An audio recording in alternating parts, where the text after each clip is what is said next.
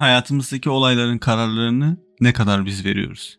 Her şeyin zamanının geldiğini düşünüp birçok hayal kurmaya başlarız. Okuyacağımız bölümden yapmak istediğimiz mesleğe, nasıl bir hayatımız olacağına, evleneceğimiz insanın nasıl biri olacağına kadar birçok planı kafamızda kurarız. İş bunları gerçekleştirme aşamasına geldiğinde etrafımızdan, zihnimizden birçok ses duymaya başlarız. O bölümü okuyup işsiz mi kalacaksın? O şiirde okunur mu? O iş yapılır mı? Bu insanla evleneceğine emin misin tarzında birçok cümle duymaya başlarız. Kararlı olduğumuzu düşünüp planlarımızı geliştirmeye çalışırken bir gün bir anda o planı yapmak istemediğimizi fark ederiz. Kimsenin etkisi altında kalmadığımızı düşünerek başka bir karar verip o hayatı yaşamaya başlarız. Bugüne kadar olan bütün olaylarda kararları biz verip biz uygulamış mıyızdır? Yoksa çevremizin sesi içimizdeki sesi bastırıp kararlarımızı etkilemiş midir? Bugün benlik farklılaşmasının ne olduğunu ve kararlar verirken kendi kararlarımız, kendi düşüncelerimiz ve kendi seçimlerimizi nasıl yaşayabiliriz onu konuşacağız. Bölüm 8 dakika sürecek. Aramıza yeni katılan arkadaşlar için İnsanları Etkileme Sanatı podcast serisine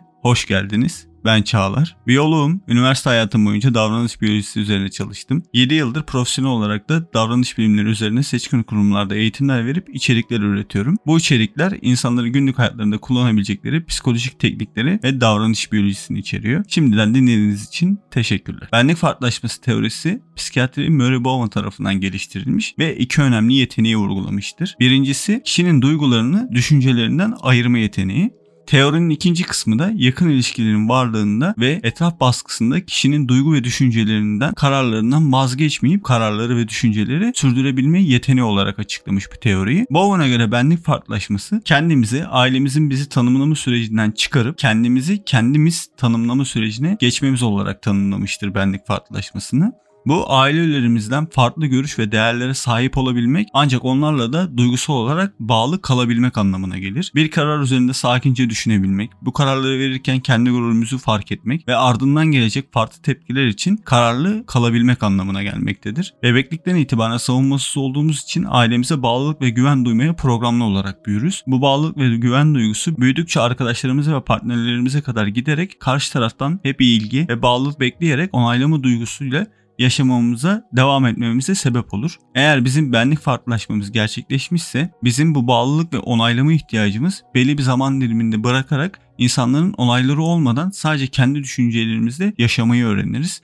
Eğer benlik farklılaşmamız gelişmemişse etrafımızdaki insanların onayları ve güvenleri olmadan düşüncelerimizi harekete geçiremeyiz ve büyürken duyduğumuz sözler hayatlarımızda alacağımız her kararda etkili olur. Örnek vermek gerekirse aile bireylerine karşı kendimizi savunduğumuzda cevap verme, saygısızlık yapma tarzında bir söz duyduğumuzda bilinçaltımız o sözü hayatı boyunca unutmaz ve biz kendimizi savunmak durumunda kaldığımızda ailemizin o saygısızlık yapma sözü aklımıza geldiği için kendimizi savunmaktan geri tutabiliriz veya ebeveynlerimize gelecekte yapacağımız işi söyleriz. O işi yapanlar şöyle oldu. O işi yapıp başarılı görmedim ben o işten para kazanma ihtimalin yok gibi cümleler duyarız. Bunları ne kadar umursamamış gibi gözüksek de iş karar aşamasına geldiğinde olumsuz şeyleri dizerek o kararımızdan vazgeçeriz ve bunu ailemizle yaptığımız konuşmadan etkilenerek aldığımız bir karar olduğunun farkına bile varmayız kendi kararımız olduğunu düşünürüz tamamen. Bu örneklerde olduğu gibi büyürken maruz kaldığımız birçok olay hayatımızda yapacağımız her harekette kararlarımızda etkili olur. Bu etkiyi azaltmanın en önemli yolu da benlik farklılaşmasından geçmektedir. Benlik farklılaşmamız gelişmişse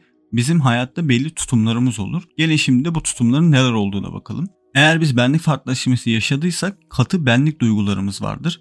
Bu farklılaşmayı geçirdiysek insanlarla iletişim halindeyken uyum sağlama baskısı altında bile kendi karar ve inançlarımızı savunabiliriz. Sırf uyum sağlamak için kendi karar ve inançlarımızdan vazgeçmeyiz kısacası. Böylelikle de topluma uyma gibi bir derdimiz olmaz. Kendimizin ne istediğini ve ne yapacağımızı bildiğimiz için de bu konuda oldukça katı davranırız. Anlaşmaktan çok anlayış arayışı vardır. Barış uğruna barışı devam ettirmeye çalışmayız. Bir durum canımızı sıkıyorsa o durum büyümeden bunun önüne geçmek için elimizden geleni yaparız o olayın intihaplanmasını beklemeyiz. Olaylardan korkup sonuçlardan çekindiğimiz için de kendi düşüncelerimizi bir kenara bırakmayız. Farklılaşmanın en önemli ayırt edici özelliklerinden biri de kendi kendine doğrulama yeteneğidir. Çoğu zaman başkalarından onay ararız. Nasıl göründüğümüzü, nasıl yaşadığımızı, nasıl düşündüğümüzle alakalı başkalarının ne söylediği bizim için çok fazla önemli olur. Benlik farklılaşması gerçekleşmemiş birisi diğer insanların olaylarına büyük ölçüde bağımlı olduğundan kendilerini kişiye veya duruma göre uyarlayabilir ve değiştirebilirler. Bu bu tür bir doğrulama kaçınılmaz olarak kişiyi boş hissettirir. Başkalarından onay almak her zaman bizi iyi hissettirse de